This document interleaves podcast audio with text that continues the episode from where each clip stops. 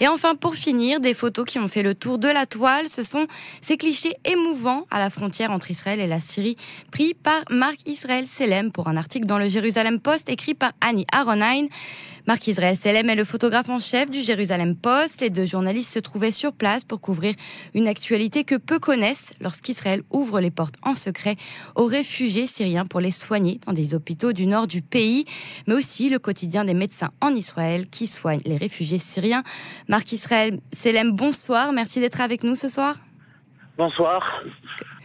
Alors, euh, c'est la première fois, il me semble, que vous réagissez de cette manière à, vos clichés. Vous avez décrit sur Facebook de très fortes émotions ressenties cette nuit-là avec votre collègue Annie. Euh, est-ce que vous pouvez nous décrire la situation?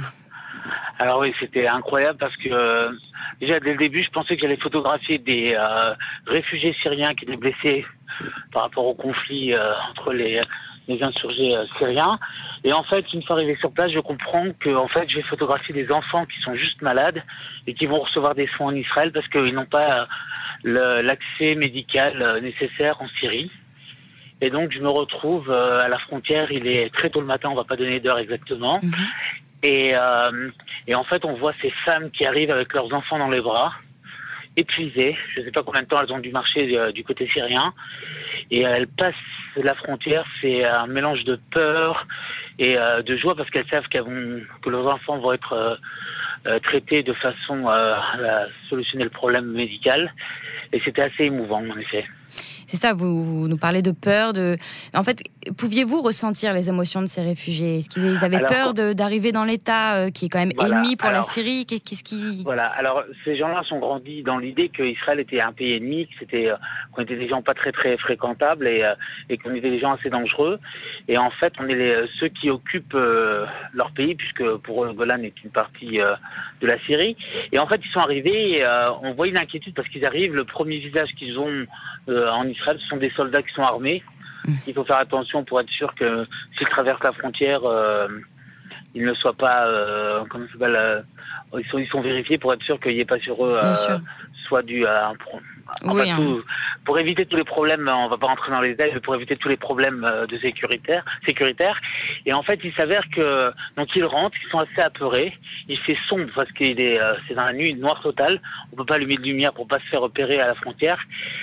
Et là, ils arrivent et euh, tout doucement, ça, ça se, euh, s'évapore. Ils comprennent qu'ils sont, qu'ils vont être bien traités. Bon, ils voient toujours des soldats et c'est surtout quand ils sont arrivés à l'hôpital. On leur a servi à manger, on a donné à manger aux enfants, on les a accueillis avec des sourires. Ils ont vu autre chose que des euh, que des soldats. Alors là, c'est vraiment, ça s'est évaporé total la tension et, ils ont compris qu'ils allaient recevoir un, un, un des soins. Mm. comme il se doit. Et avez-vous avez pu parler, vous euh, ou Annie Aronine, ou bien aux soldats, ou bien à ces réfugiés? Bien sûr, on a parlé à tout le monde. On a fait c'était euh, en accord avec euh, l'armée, donc on a fait un article sur justement cette unité qui fait venir ces, ces gens de, depuis la Syrie.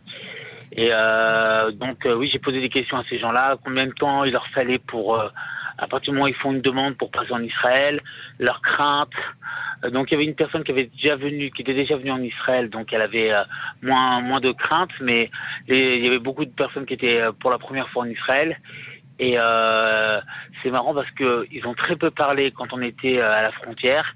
Et une fois arrivé à l'aéroport, non, on n'a pas peur, euh, merci beaucoup. Une pluie de bénédictions, euh, ils nous chantaient parce qu'il y avait une traductrice qui nous traduisait.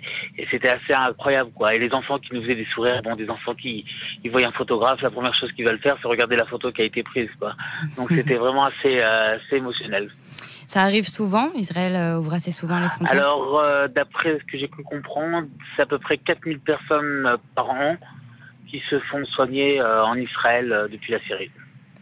Et pourquoi est-ce que l'armée vous a laissé filmer cette nuit en particulier? Pourquoi pas Alors, ouvrir à la presse? quand il, quand, quand, y a, quand y a des choses qui sont spectaculaires, on demande toujours un accès à, à la, pour photographier. C'est pas toujours que l'armée nous autorise, mais je pense qu'il y a une volonté aussi de d'Israël de, publier ce genre d'événement. Bien sûr, on n'avait pas le droit de publier les, le visage de ces gens-là, donc sur toutes les photos que j'ai pu prendre.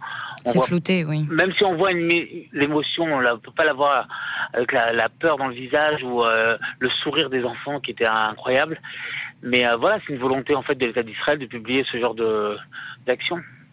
Et j'imagine que vous n'avez pas pu faire le retour à la frontière, mais est-ce que vous avez des idées, une idée de, comment ça se passe quand ils sont rapatriés Alors, ça dépend du soin qui doit être donné à l'enfant. Soit l'enfant rentre le soir même et avec euh, des médicaments qu'il doit prendre ou il a fait un examen qui n'était pas possible de faire euh, en Syrie et en fonction de ça il a un traitement qui lui est donné ou soit alors s'il y a une intervention qui doit avoir lieu alors l'enfant reste pour euh, subir, subir l'intervention dans les plus brefs délais. Mmh. Du coup c'est fait en accord avec des, des médecins en Syrie ou des associations peut-être?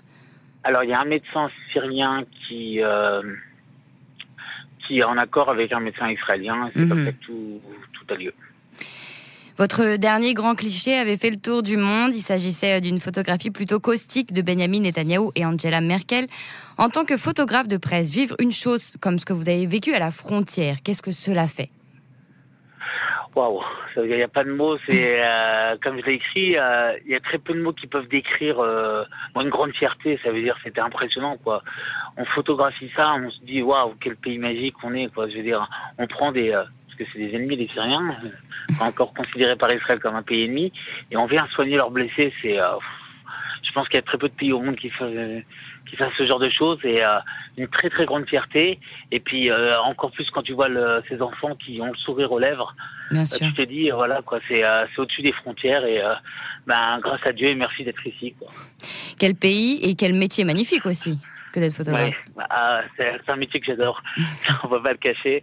C'est une des plus Pour moi, c'est un des plus beaux métiers au monde, mais bon, je suis pas très objectif dans ce, dans ce côté-là. Merci. L'article et les clichés sont disponibles sur le J-Post. Hein, sur, sur l'article euh, On the Border with Syrians Brought to Israel for Medical Treatment d'Annie Aronine, euh, peut-être disponible aussi en français? Vous savez s'il va euh, être bientôt. très bien. Bientôt. Ok, très bien. Donc on vous conseille, on conseille nos auditeurs euh, d'aller les voir, euh, des très beaux clichés. Merci beaucoup Marc Israël euh, d'avoir été avec nous ce soir. Au revoir, bonne, soirée. Merci beaucoup. Au revoir.